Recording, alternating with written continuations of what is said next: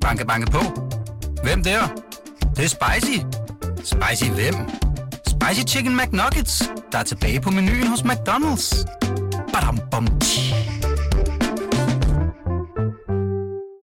Millionærklubben Special sponserer sig Saxo Bank. Hurtig, enkel og nem investering i aktier til lave omkostninger. Og 3 Business. Fremtidens sikre valg af mobile erhvervsløsninger.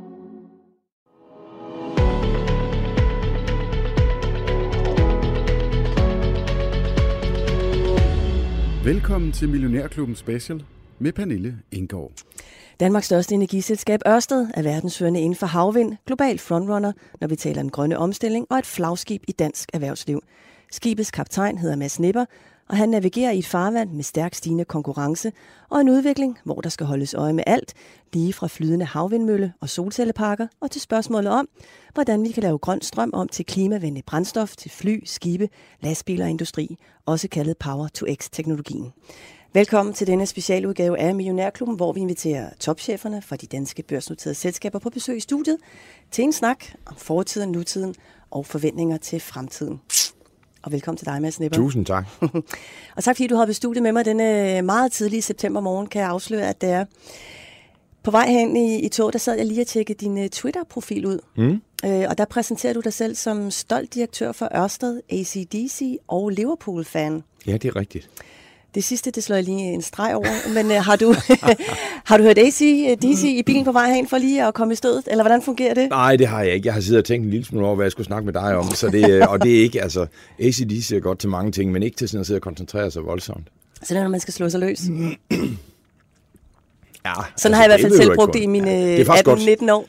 det er faktisk godt, når man kører bil, men, men hvis man skal sidde og spekulere sådan over noget, så er det ikke så godt. Du har siddet som topchef i Ørsted siden 1. januar 2021. Ja. Inden da har du en lang karriere bag dig i, i Lego, hvor du sad i direktionen til du, ja, indtil 2014, hvor du blev hentet til Grundfos som administrerende direktør. Og det er jo begge to familieejede virksomheder. Mm. Hvilke overvejelser gjorde du der, inden du sagde ja tak til jobbet som administrerende direktør i en, i en børsnoteret virksomhed?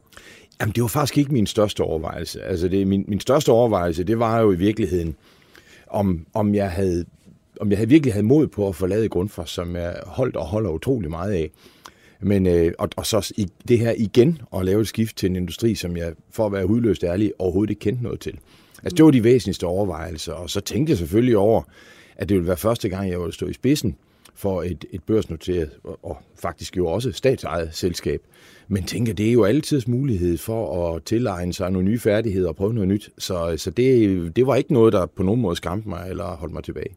Er der nogen fællestræk, når du kigger på de tre øh, virksomheder, Lego, Grundfos og, og så Ørsted? Jamen det er der jo i den grad, fordi det er jo alle sammen, det, udover det sådan er danske nationalklinoder, så er det jo øh, virksomheder, der er førende på deres felt globalt. Altså Lego er verdens største øh, virksomhed inden for legematerialer, som man kalder det, ikke legetøj. Og, øh, og, øh, og, og, og, og Grundfos jo på pumper, og, og Ørsted på havvind. Øh, mm. så, så det er jo, jeg synes det er ret fantastisk, øh, både at Danmark har den type virksomheder, der er jo flere, såsom Novo, Vestas osv., øh, men, men at, at jeg har haft privilegium at arbejde for tre af dem, der, selvom vi kun har 5 millioner danskere, er, er størst og bedst i hele verden. Mm. Nu øh, børsnoteret, der følger så en, en, en aktiekurs øh, med, øh, og 2020, det var jo for, for Ørsted, hvis vi kigger på aktiekursen, fuldstændig fantastisk. Det var en øh, 83 procent eller sådan noget, den var, var oppe, og den fjerde eller femte bedste aktie i, øh, eller performende aktie i, i C25. Og øh, så trådte du til som administrerende direktør 1. januar. Øh, det var lige omkring all time high på de 1400. Vi har været nede omkring de 800. Nu ligger vi og danser omkring øh, de, de 1000 igen. Har det påvirket dig at, at kigge på, på aktiekursen, eller er det noget, du overhovedet kigger på sådan på, øh, på ugebasis, daglig basis? Jamen, altså, selvfølgelig kigger jeg på aktiekursen, fordi mm. det at skabe værdi for mine aktionærer er selvfølgelig en del af det, jeg er der for.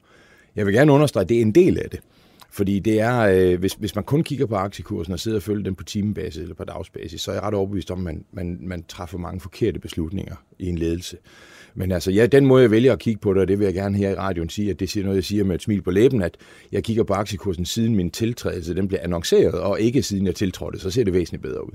Og det var godt. Så det er ikke sådan, at du har reddet dig i hovedet og tænkt, What? Hvad har jeg gang i her? Nej, det bliver teknisk, men jeg kan simpelthen sagtens godt forklare, hvad det var, der skete i fjerde kvartal og første kvartal, som jo sådan lidt af bjerg, ikke bare for Ørsted, men for hele sektoren.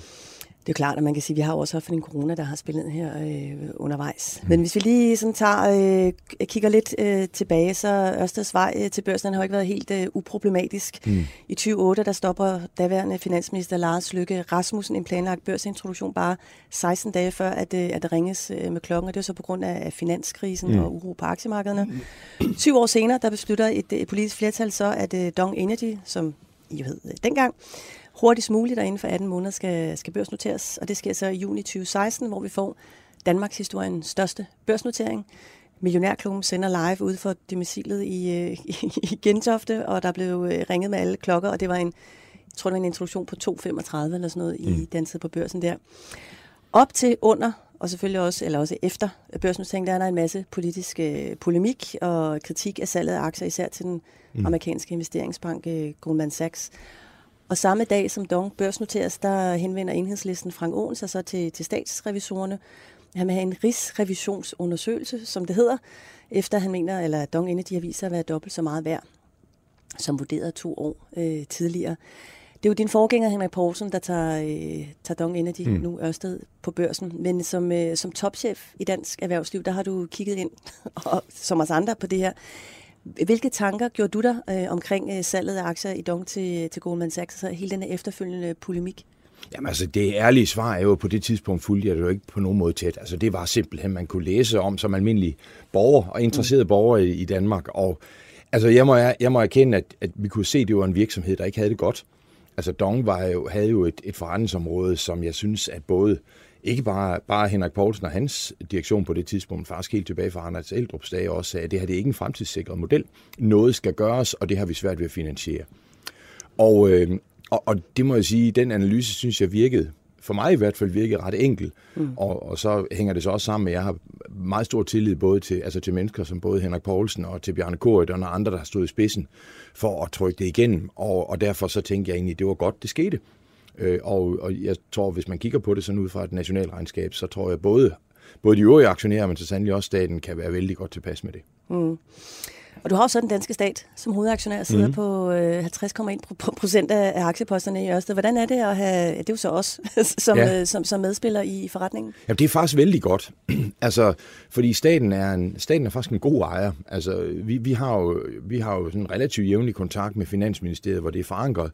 Og de, øh, de, de, er, de, de er meget støttende, meget opbakkende, uden at blande sig i det daglige. De har faktisk ikke udpeget nogen bestyrelsesmedlemmer osv., sådan direkte så fra, fra administrationen. Så på den måde er det, jeg synes faktisk, det er en god ejer, og så, og så hjælper det altså også, for eksempel, altså når vi skal lave det der, altså vi skal have en credit rating, som jo sætter omkostningen for, hvor meget det koster for os at låne penge, og vi låner penge, mm. øh, fordi vi, vi investerer rigtig, rigtig meget, så er, det, så er det noget, hvor det at have staten i ryggen, det simpelthen hjælper os til at få en endnu bedre rating. Så der er også nogle helt håndgribelige fordele ved det, men vi er vældig godt tilpasse med at have staten som hovedejer, så er det jo dejligt, at vi smider et antal milliarder ind i finansloven hvert år. Det vil også undre mig, hvis du sagde det modsatte med snipper, vil jeg sige. Jeres uh, transformation fra, fra kul sort til grøn, uh, den skal mm. vi hjem omkring. Uh, for jeg ja. har jo sagt, det I er gået fra at hedde Dong til, til, til Ørsted. Ja.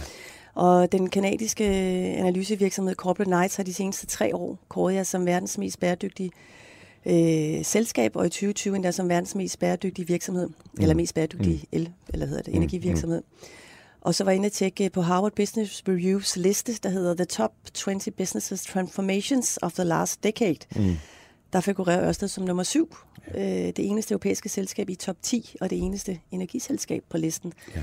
Og der er jo altså i, øh, i, i selskab med Amazon, Microsoft og, og Netflix og mm. det lige. Hvad er det, eller hvad har været de vigtigste øh, skridt i den her transformation af jeres, øh, jeres kerneforretning, Mads? Jamen, det, var, det er lidt tilbage til det, jeg kommenterede omkring hele, hele børsnoteringen. Det var, at, at der blev lavet en, synes jeg, rationel og, og virkelig god analyse om at sige, har vi en, forretning, har vi en langtidssikret forretningsmodel? Og det at tage fossile brændsler ud af jorden og brænde dem, øh, allerede på det tidspunkt var ret åbenlyst, at det er ikke nogen langtidssikret forretningsmodel. Øh, og, så, og så tror jeg, det allervigtigste, det er at sige, det er at sætte en meget klar vision op. Der sagde, vi, der sagde den daværende ledelse på det tidspunkt, vi har en vision om, at vi om 30 år vil have mindst 80 procent øh, vedvarende energi, hvor det hed, på det tidspunkt, der hed det faktisk 80 procent sort energi og 20 procent vedvarende energi. Altså bytte det rundt på 30 år. Mm. Øh, og så gå helhjertet ind i det. Øh, det lykkedes så vel at mærke øh, mindre end 10 år øh, efter. Og, og jeg tror, jeg tror i virkeligheden, det er den allervigtigste øh, inspiration til andre. Det er det her med at sige, lad, lad os lade være med bare at stikke tæerne i. Men hvis noget skal ske, så gør det meget mere helhjertet. Men jeg vil godt også tilføje, altså når, når Corporate Knights og andre jo peger på, på os som, som et meget, meget bæredygtigt selskab, og, og klart det mest bæredygtige i hele energisektoren globalt, mm. så er det også på grund af en række andre ting. Altså det er ikke kun på, for, at vi leder den grønne transformation. Det er også fordi, vi har rigtig, rigtig god orden i huset i forhold til at dokumentere vores, altså hele det, man så populært kalder ESG, altså på, med, med, med miljø og sociale og, og, mm. og governance-perspektiv. Ja, præcis. Det kan vi lige vende tilbage til, for der er jo også det er jo det her med, hvordan måler vi lige hele præcis. det her, og det er jo faktisk ja, det, det, er jo, det, det er jo der, vi står lige Nemlig. nu, også som, øh, som investorer og som virksomhedsledere. Vi har et EU-apparat, der mm. er, er på vej mm. øh, i forhold til greenwashing, og lige præcis. hele den her skuffe, den åbner vi øh, lige lidt senere. Men skal lige høre dig, nu der har en kæmpe transformation har fundet sted. Hvor, hvor meget transformation er der tilbage i Ørsted, og hvor meget er det af drift øh, for dig? Det er et utroligt godt spørgsmål. Tak. Fordi det vil, være meget, det vil være meget, meget fristende at sige, nu skal vi selvfølgelig bare drifte. Vi er, vi er et ret profitabelt selskab, vi er et veldrevet selskab i al beskedenhed, det kan jeg ikke tage meget ære for. Hmm. Og, øh, og, og også med et, hvor der er ret stor forudsigelighed omkring den vækst, der kommer. Fordi hovedparten af de aktiver, vi har, de, står, de, de vil jo stå og trille indtægt ind de næste 20-25 år. Det ved vi med ret stor sikkerhed. Mm. Øh, og vi ved også, hvad, hvad det er, vi har vundet, og dermed vi kommer til at bygge. Øh, så, så altså, det, det er det, det er fristende at sige, at det her det er bare at drifte og blive ved med sådan at køre mere eller mindre lige ligeudkørsel. Så er jeg sikker på, at Ørsted kommer til stille og roligt at gå i stå. Vi kan godt vokse, men vi kommer til at gå i stå og blive en blandt mange. Øh, og, og vi har, jeg ved godt, det her det lyder som sådan noget rigtig topchef-snak. Men, men altså, vores vision betyder faktisk noget. Altså, en verden, vores vision er en verden, der kun kører på grøn energi. Og det vi har gjort hos Ørsted på havvind, det er jo at vise en hel industri, at hov, det der havvind, det er faktisk muligt, det er konkurrencedygtigt, man kan så tjene penge på det.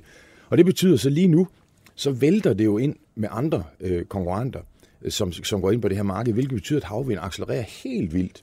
Og det er jo meget irriterende som topchef, vi får mere for konkurrence, men det er jo fremragende som verdensborger, der rent faktisk gerne ser, at det her det sker hurtigere. Mm. Og, og der er lidt ubeskedent, og det kan, tillader mig kun, fordi jeg ikke har været en del af det, så siger jeg jo, at den rolle, som Ørsted har spillet på havvind, er jo nøjagtigt det samme, som Tesla har spillet på, på, på, på mobilitet.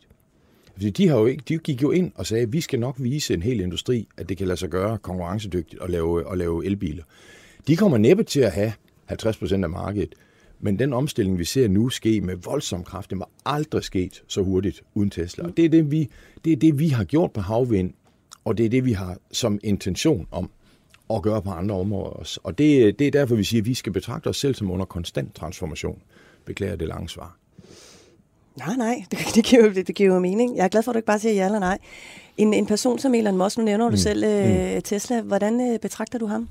Jamen altså, han, han, han balancerer, det tror jeg ikke engang, jeg vil fornærme mig ved at sige, han balancerer sådan lidt på, på grænsen mellem galskab og genialitet.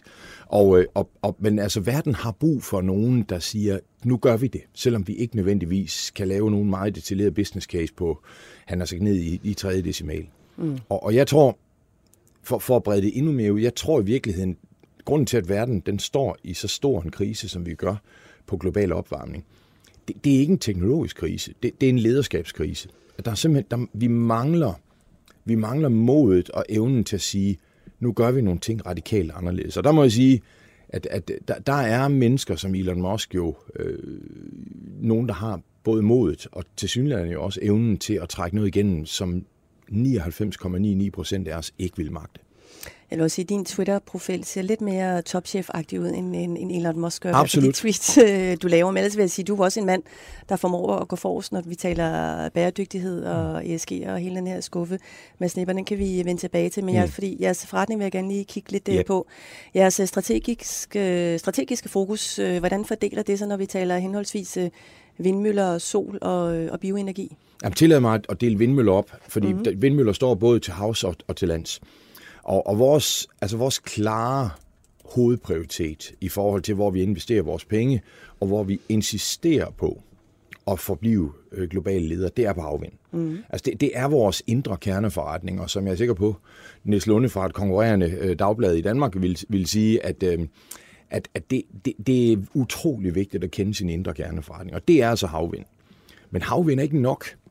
Øh, og derfor så har vi også øh, til, til nogens spørgsmålstillen sagt, vi skal også kunne mestre både landvind, sol og, og dermed også, øh, det, ofte med solprojekter kommer der ofte lagring, altså batterilagring, mm-hmm. øhm, og så også øh, Power to X, som jeg er sikker på, at vi kommer tilbage til. Og årsagen til det, det er ikke fordi, vi er blevet grådige og vil have vores del af, af alle de her markeder, som alle sammen heldigvis vokser meget hurtigt. Det er simpelthen fordi, at det energisystem, vi kommer til at kigge ind i i fremtiden, der skal man kunne de forskellige teknologier. Og når jeg for eksempel taler med den, den øverste direktion fra, øh, fra en stor tysk kemikoncern, som siger, kan I hjælpe os med at dekarbonisere vores forretning? Så kommer det jo ikke bare og siger, har I noget havvind, vi kan købe? Så vil de simpelthen have nogen, der har en værktøjskasse med forskellige ting. Ja, derfor er det simpelthen nødvendigt at, i, i virkeligheden sådan i anførselstegn, at følge kunderne, og det er det, vi gør. Men, men havvind er den indre kerneforretning. Mm. Der tænker jeg også lidt, du har en solid historik fra mm. Lego og, mm. og Grundfos. Det er jo også netop øh, kerneforretningen, vi Præcis. taler her. Og man skal jo heller ikke uh, sprede sig for meget, her nær sagt, men uh, I døber jo tåen lidt for at holde øje med det. sådan, jeg skal forstå det? Jamen, vi, altså, det, jeg vil sige, det, vi, det er mere end tåen. Altså, det, mm. det er så, jeg tror, det er helt sådan, i hvert fald op til knæet.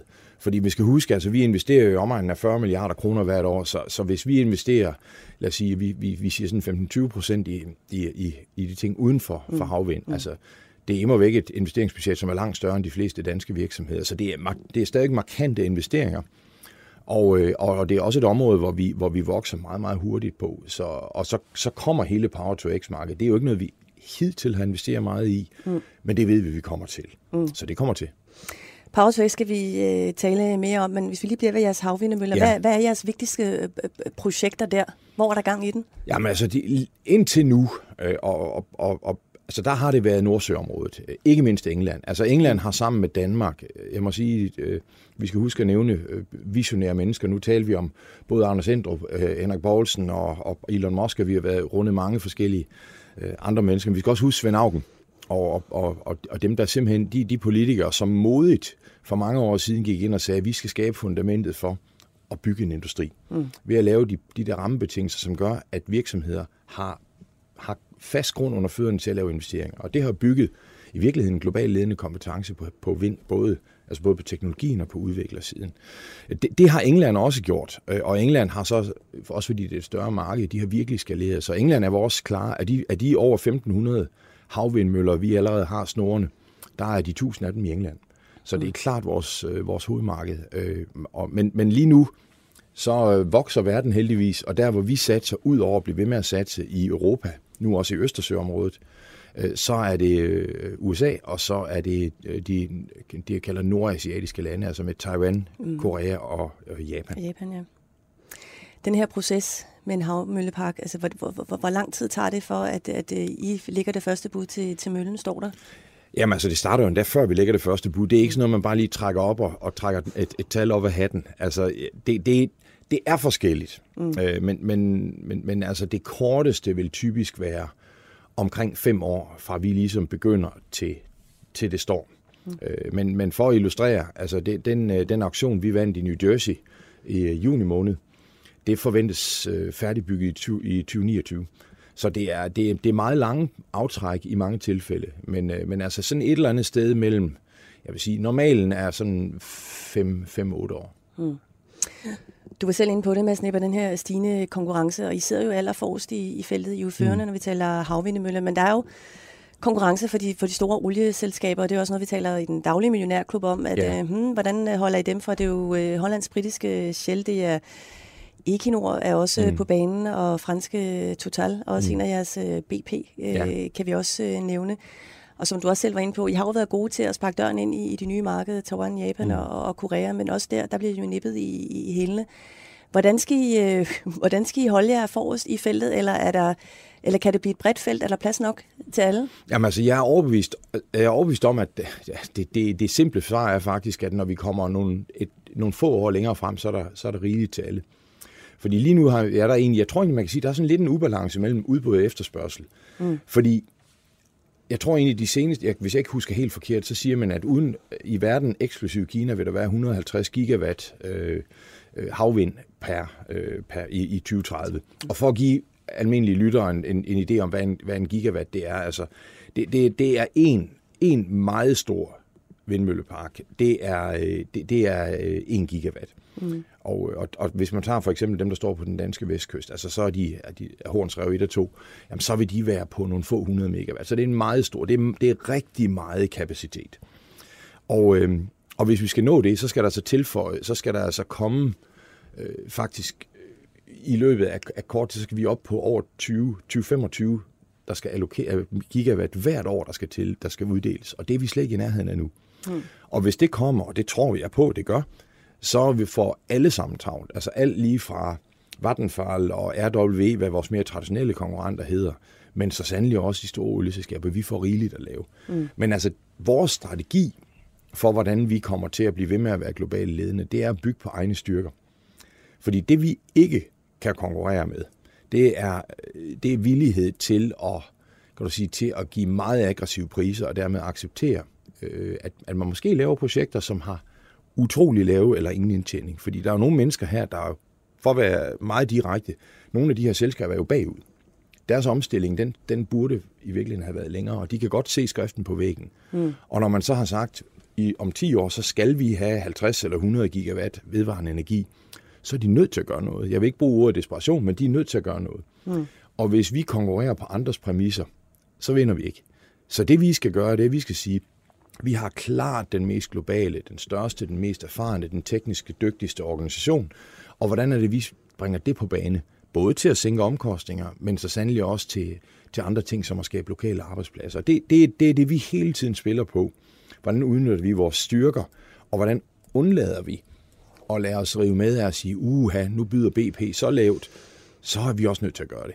Så er vi, der, der, der, der forsøger vi ligesom at være dem, der sætter dagsordenen, og det, det er ret overbevist om nok skal lykkes. Så det er kompetencer, det er jeres øh, erfaring, og så er det kvalitet. Det er der, I skal bonge igennem? Ja, så tilliden. Mm. Til, tilliden til, at vi holder det, vi lover. Altså, vi har, øh, vi har opført øh, til tiden og på budget over 25 store hav, havvindparker i verden, og det er der ingen, der er i nærheden af. Og det vil sige, hvis en nation siger, vi skal faktisk, som for eksempel Danmark, vi skal nå 70 procent øh, reduktion i 2030, så har man altså ikke råd til at tage chancen på en eller anden, der kommer ind og siger, lad os nu se, om det går. Altså der, der har vi, der tror vores brand, øh, vores, vores, eller nej, vores navn står, simpelthen står for en tillid om at sige, dem kan vi nok regne med, de kommer til at holde, hvad de lover. Mm. Men der skal jo også, altså det er jo, vi har jo tit talt om, at vi har nogle øh, kinesere for eksempel, som mm. øh, ikke jo bare øh, kan levere, nu er de jo også innovative, og de kan også levere mm. kvalitet. Og så er det jo prispres, øh, vi kommer ud med. Det hedder dig, Mads Neppers, om at du står øh, solidt i, at du kan levere varen. Du har et solidt forhold til dine øh, kunder, og så skal de nok øh, blive hængende hos jer. Ja, og så er det, og så er det vigtigt at sige, at, at prispresset vil jo være der, og det skal faktisk være der. Mm. Fordi hvis, hvis vi virkelig skal have den vedvarende energi udbredt meget hurtigt, så skal vi også se omkostninger, selvom det allerede er konkurrencedygtigt. Altså en, en ny vindmøllepark eller solpark er jo, de leverer jo billigere energi end, øh, end, end et nyt kulfyrkraftværk. Så det er allerede konkurrencedygtigt, men det skal endnu længere ned. Så det, det er fint nok, at der er pres på det, og vi kæmper hver dag for at bringe vores omkostninger ned også. Øh, og det, det fordelen er jo så, at når man er den største, så har man også bare nogle omkostningsfordele. Så, så selvom vi ikke er altid dem, der byder den laveste pris, så øh, er jeg også ret fast i blikket på at sige, at jeg er temmelig sikker på, at vi faktisk er dem, der har de laveste omkostninger i markedet. Men det er fordi, vi har givet et løfte til vores aktionærer, og det kommer vi til at holde, at, at de projekter, vi laver, det er også nogen, der både giver et afkast til aktionærerne, men også noget, der spæder i kassen, så vi kan blive ved med at investere. Du lytter til øh, en specialudgave af Millionærklubben. Jeg er Pernille Ingaard, og med mig i studiet har jeg Mads Nipper, topchef i energikoncernen Ørsted. Millionærklubben Special sponserer sig Saxo Bank. Hurtig, enkel og nem investering i aktier til lave omkostninger. Og 3 Business. Fremtidens sikre valg af mobile erhvervsløsninger.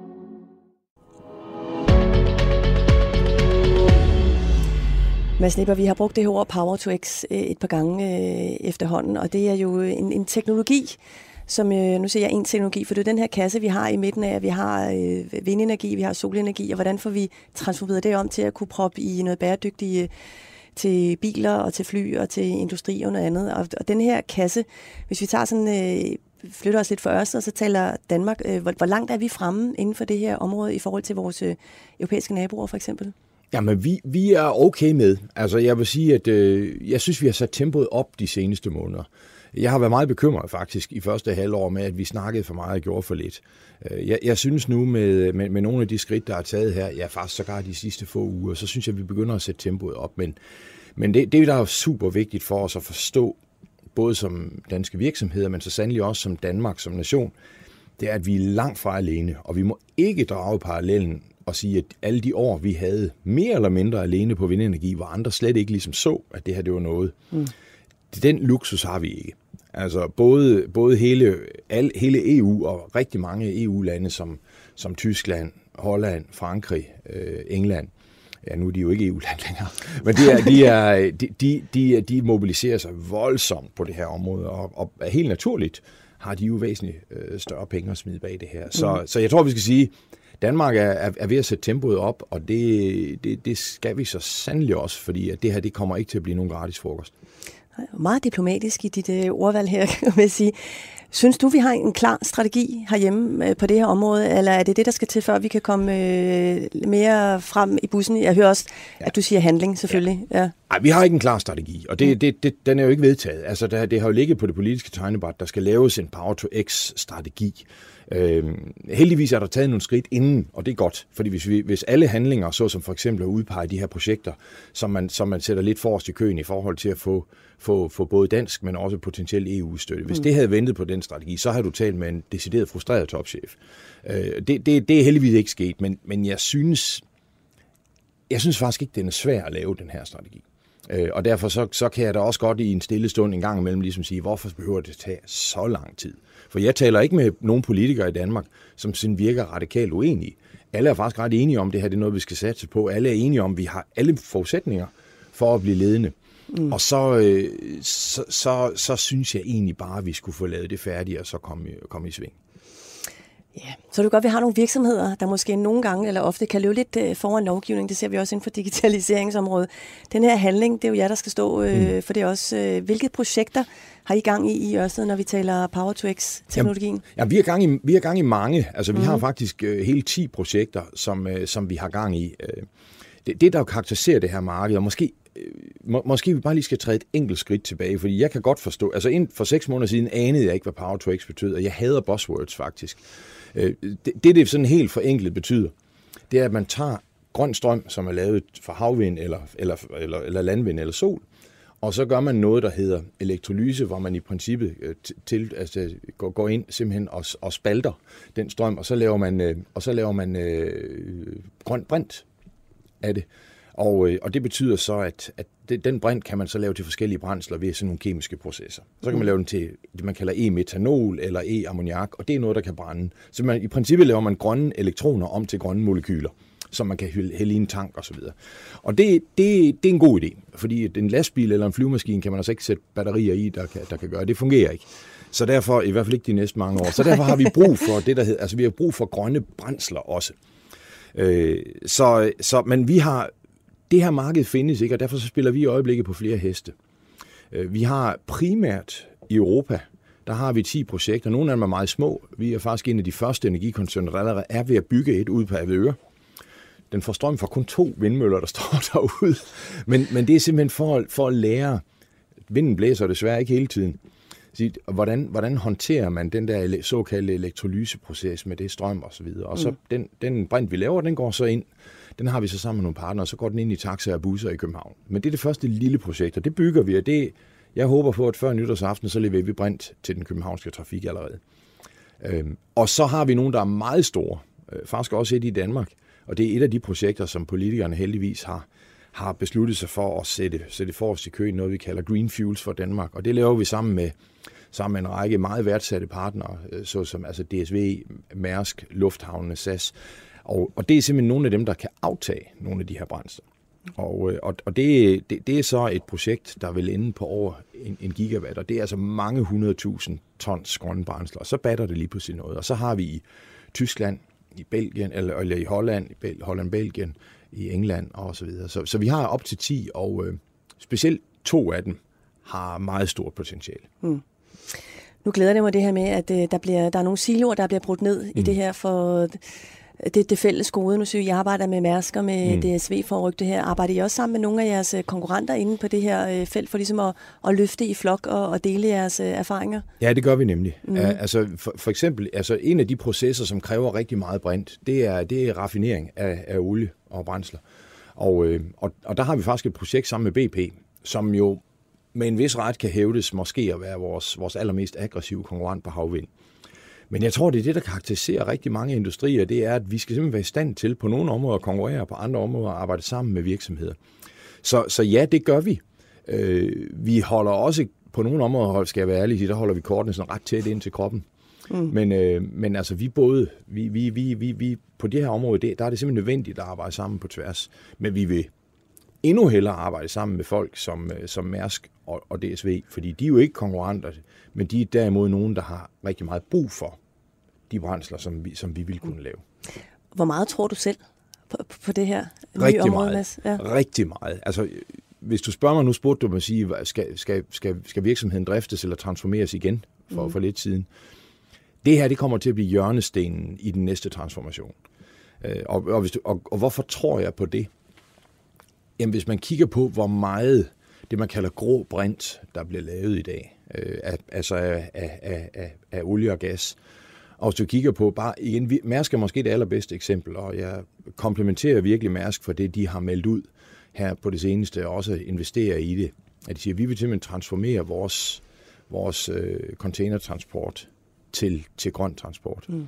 Mærsk brænder jo, hvis jeg ikke husker helt forkert, 12,5 millioner tons øh, brændsler hvert år. Og hvis der skal laves e-metanol eller e-ammoniak til det, så er det cirka den dobbelte mængde, fordi energitætheden er lidt lavere i det. Det, det er formentlig 10 gange så meget, som nogen enkeltstående øh, udbyder vil kunne levere lige nu. Og det er én virksomhed, en meget stor virksomhed. Men, men forestil dig, hvor stort det potentiale det er, øh, og hvor meget det kræver i virkeligheden af, af både af grøn strøm og, og kapacitet. Så ja, det her marked kommer til, i min optik, at eksplodere, og dem, der ligesom på havvind for nogle år siden er hurtigst og modigst, de kommer til at stå rigtig stærkt øh, i Millionærklubben og i, i markedet generelt, mm. og investorer, så er der jo tale om den her den, den, den grønne bølge og den ja. bæredygtige bølge, og det er, jo, det er jo det kæmpe tema, og alle enige om, at det er, mm. det, det, det, er temaet her mm. øh, de kommende år. Øh, og vi har selvfølgelig nogle virksomheder inden for det her felt, og vi har jo også øh, nogle, øh, nogle, hvad hedder det, nogle stater, der, der sætter dagsordenen. Vi har en mm. Joe Biden, der er trådt til i USA. Vi har Xi Jinping i, i Kina, ja. der har meldt ud, at Kina skal også være CO2-neutral. Når sådan nogle kanoner, de går ind og siger, mm. at vi skal den her vej, hvor meget betyder det så for en virksomhed som Ørsted? Jamen, du, du er nødt til at skal have to svar her. Fordi det ene svar, det er at sige, selvfølgelig er det rigtig godt, at de her mennesker sætter dekarboniseringsambitioner, og også siger, hvilke år kommer mm. vi til at være mm. neutrale. Det mobiliserer en industri, og det giver en masse. Jeg må sige specielt... Men er det ikke sådan lidt frit at sige, det er 2060? Ja, ja, der er jo lang tid til. Jo, præcis. Det er det andet svar, jeg kommer Nå, til. Okay. Men, men, men, men jeg må sige, altså bare for at eksemplificere det, at, at ved den tidligere administration, altså Trump-administrationen i USA, der var de, selv de projekter, vi havde vundet på den amerikanske østkyst, de var fuldstændig bundfrosne af nogle godkendelsesmyndigheder, der simpelthen får at vide, I må ikke godkende det. Øh, og det vil sige, at vi, vi stod der og var egentlig klar til at rulle, rulle videre, men, men det, der hedder Bureau of Ocean Energy Management, som er dem, der skal godkende, sige, nu må I starte. De startede simpelthen ikke. De lavede simpelthen ingenting i to år. Øh, og det vil sige, det var til stor frustration. Og så kommer Biden-administrationen ind og sætter en ny ledelse ind, og nu triller det afsted. Så det, det, kan, det er ikke bare ord. Altså, der kommer handling, og, og det er vi rigtig glade for. Men specielt Kinas 2060-ambition er dybt problematisk. Øh, fordi Kina siger jo, at deres emissioner de vil, de vil toppe i 2030. Øh, og bare for at give en illustration, altså vi siger jo, at vi skal, hvis vi skal holde os på inden for 1,5 grads stigning i 2050, som er det her net zero target, alle de, alle de taler om. Mm. Hvis Kina de topper i 2030, så vil vi alene i Kina have udledt 80 procent af al den CO2, vi har tilbage inden 2050. Og det vil sige, det er en katastrofe, hvis der ikke sker mere med de. Altså, så, så har vi ingen chance for hverken halvanden eller to grader. Mm. Og derfor så er det, det er rigtig godt, der er kommet dato på, så det minister siger, at vi forholder os til det. Men det er, der bliver jo, Kina er i gang med at opføre kulkraftværker til over 300 gigawatt lige nu, as we speak. Det er simpelthen en skrigende katastrofe. Mm. Men hvordan kan du så tro på, at vi flytter os i den rigtige retning med snipper, når vi selvfølgelig har nogen, der siger det her, og så sker der noget andet på bagperronen? Jamen altså, jeg, jeg, jeg, vi er nødt til at være optimistiske. Mm. Fordi altså, hvis vi alle sammen sætter os tilbage i sofaen, og så siger, nu, nu sidder vi bare og tweeter om, hvor, hvor, hvor, hvor forfærdeligt det hele er, så sker der ingenting. Altså, og derfor så er vi, vi er simpelthen nødt til, som virksomheder og som ledere, hvad enten det er politikere, eller om det er virksomhedsledere, vi er nødt til at vise, at den anden vej er mulig. Øh, og, og det er det eneste, vi kan gøre. Øh, selvfølgelig er der også nogle diplomatiske kanaler, dem afholder jeg mig fra øh, at, at, at, at gå ind i, fordi det, jeg tror ikke, øh, Xi Jinping og andre mennesker vil lytte til mig. Men, men, men, men vi er nødt til at, at, at, at, at vise med det gode eksempel.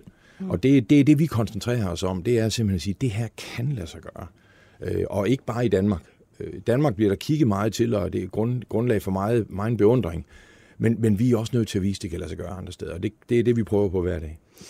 Nu er det jo ikke kun regeringer, det er også virksomheder, der bliver kigget efter i, i kortet, når vi mm. taler bæredygtighed, og vi har det her ord, der hedder greenwashing, ja. at man siger, at altså, vi planter et træ her, og så ryger der sort røg ud af skorstenen et ja. andet sted, men så er vi stadigvæk øh, grønne. Ja.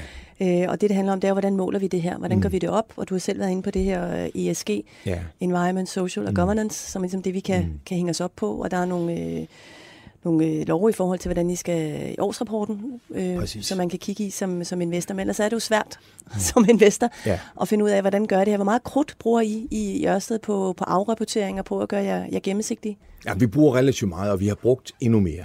For det at få etableret en gennemsigtig og, og en meget troværdig rapportering på det her område er helt afgørende. Altså, selv længe før min tid blev det ligesom indset at sige, vi, vi er simpelthen nødt til at kunne dokumentere det her, så alle kan grænske i det og sige, det, det, det, det, det holder stadigvæk vand.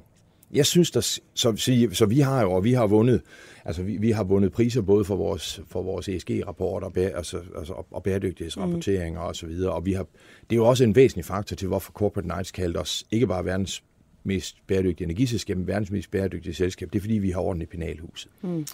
Og, og det, det, er, det er helt afgørende, men jeg, jeg synes, der sker rigtig mange gode ting i øjeblikket. Øh, fordi greenwashing er en kæmpe risiko.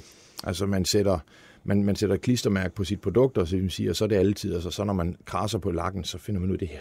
Det er der ikke noget af. Mm. Men, men, øh, men derfor det her, der sker, altså Science-Based Target, som det hedder, som er et globalt initiativ, for rent faktisk at skulle dokumentere, hvad det er, vi gør. Ikke bare det, vi har gjort, men også det, vi kommer til at gøre med vores ambitioner det, det, det går vi jo også ind. Vi, vi sponsorerer faktisk, at det her det bliver udrullet, selvom det ikke har noget med Ørsted at gøre, men det er så god og vigtig en idé. Og så kommer den her nye EU-taksonomi, hvor man jo også går ind og simpelthen kategoriserer både sin, sin indtjening, sin investeringer og sin omsætning i, hvad er det, der er grønt og ikke grønt. Mm. Og det er rigtig godt.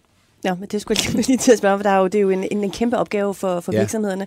Men det er noget positivt, hører jeg dig sige, ja. at det giver jer yderligere mulighed for at, at vise kortene frem til, ja, til investorerne, til jeres øh, kunder og, og samarbejdspartnere. Jamen altså, det, altså, for at sige det sådan på, på, på, på godt jysk, altså det er da noget bøvl for os som virksomhed. Mm. Men vi er nødt til som ledere at tage det store perspektiv og sige, hvis, hvis vi skal have et helt globalt community af virksomheder til at tage handling på det, så er vi nødt til at skabe den her gennemsigtighed.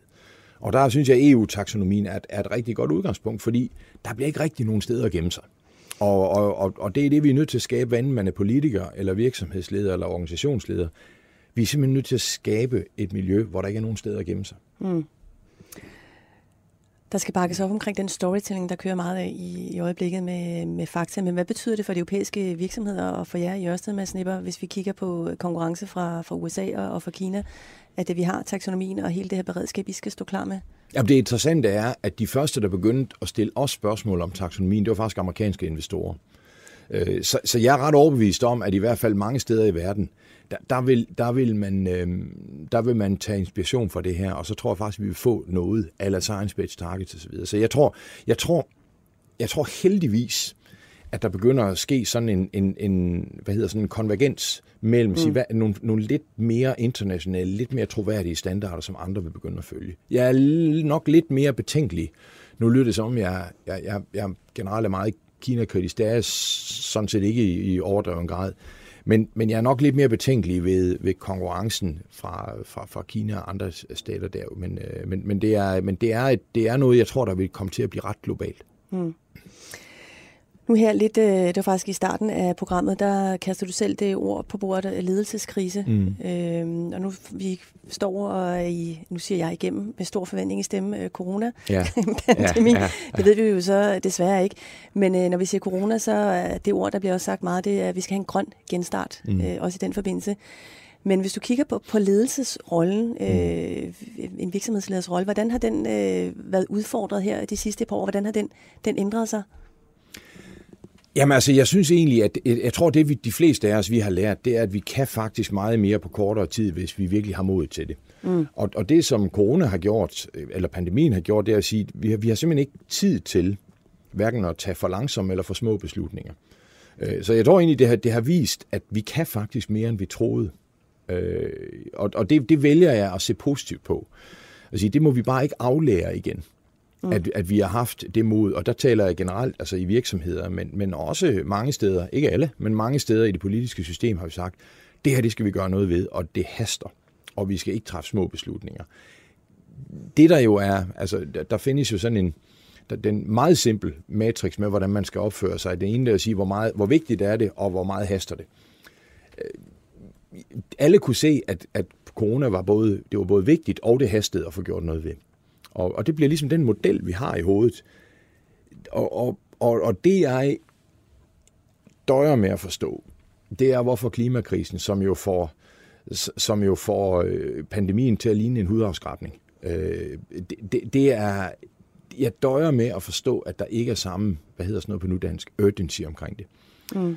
Øh, fordi det, det, er, øh, det, det, er jo ikke, altså det er jo ikke fremtidsmusik. Altså når man kigger på, på, på, på, på, de, på de regnskyld, der kommer på orkaner, på monsunen i Asien og så videre, på tørker, det, det er jo at alle eksperter er enige om at sige det. Vi, vi, vi, vi ser allerede det første, og det kommer kun til at gå en vej. Altså, jeg, jeg kan ikke forstå, at vi som lederkollektiv i verden ikke har mindst samme handlekraft på, mm. Øh, på, på den grønne omstilling, som vi har haft på pandemien. Er det uh, Mads Nipper som uh, menneske, eller Mads Nipper som, som topchef, der har det sådan? Eller er det, det er begge dele. Det er ja. begge dele. Mm. På nogle områder skiller vi det som blandt andet ACDC og Liverpool, men lige præcis det her, det synes både Ørsted og jeg. Ja.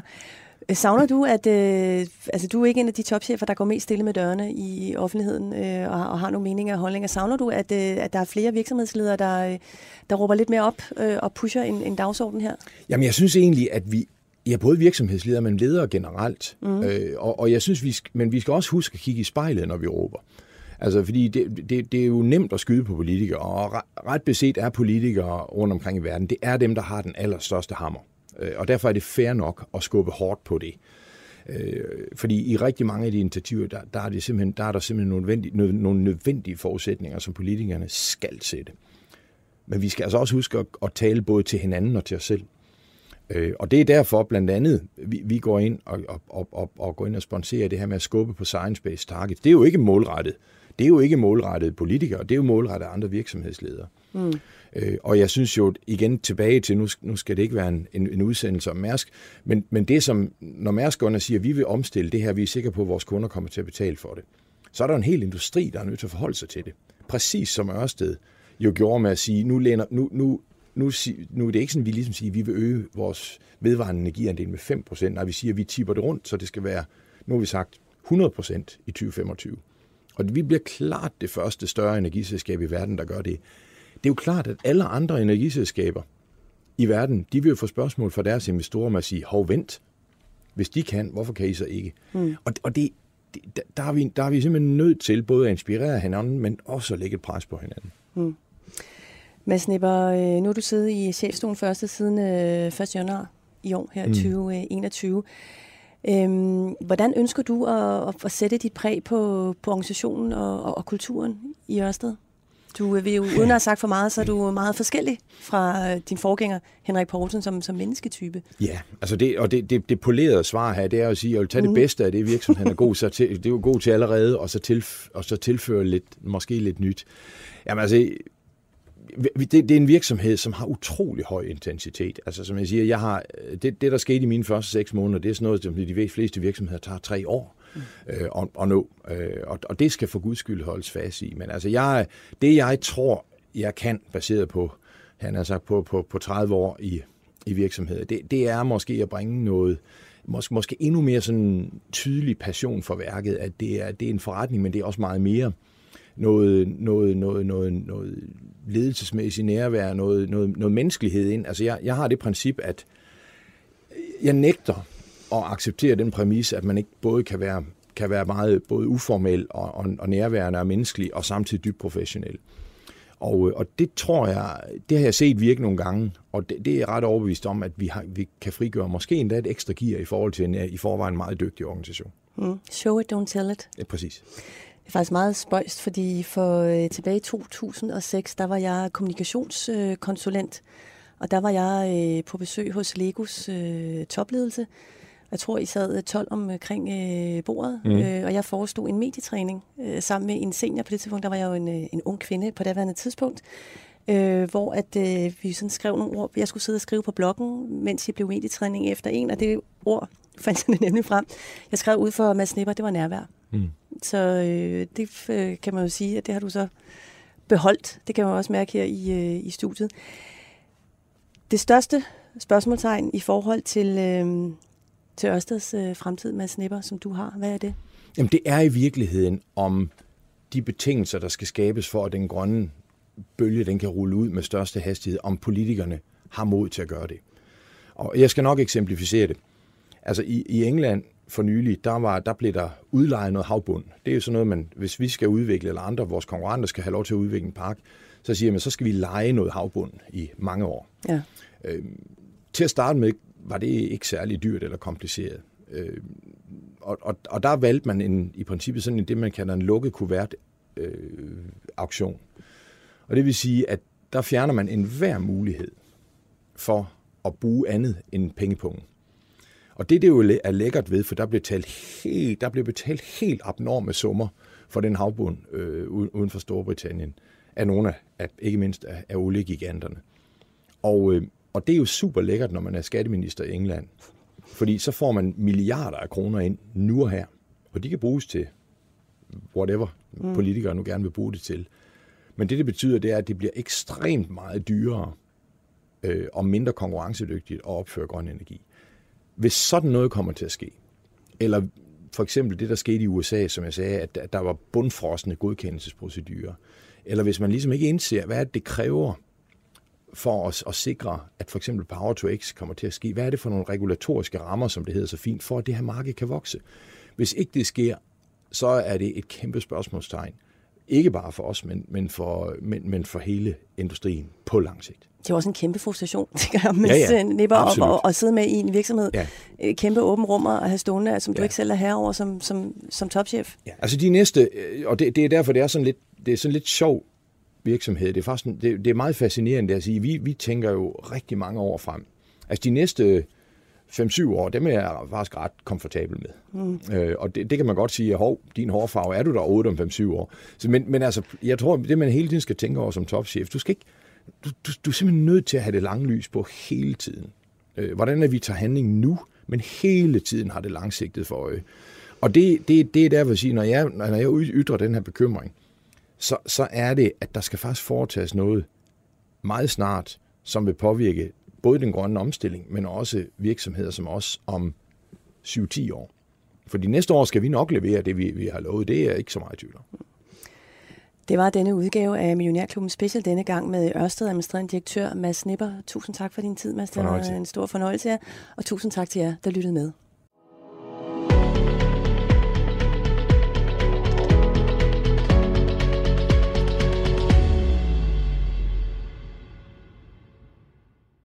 Millionærklubben Special sponserer sig Saxo Bank. Hurtig, enkel og nem investering i aktier til lave omkostninger. Og 3 Business. Fremtidens sikre valg af mobile erhvervsløsninger. Banke, banke på. Hvem der? Det, det er spicy. Spicy hvem? Spicy Chicken McNuggets, der er tilbage på menuen hos McDonald's. Badum, bom, tji.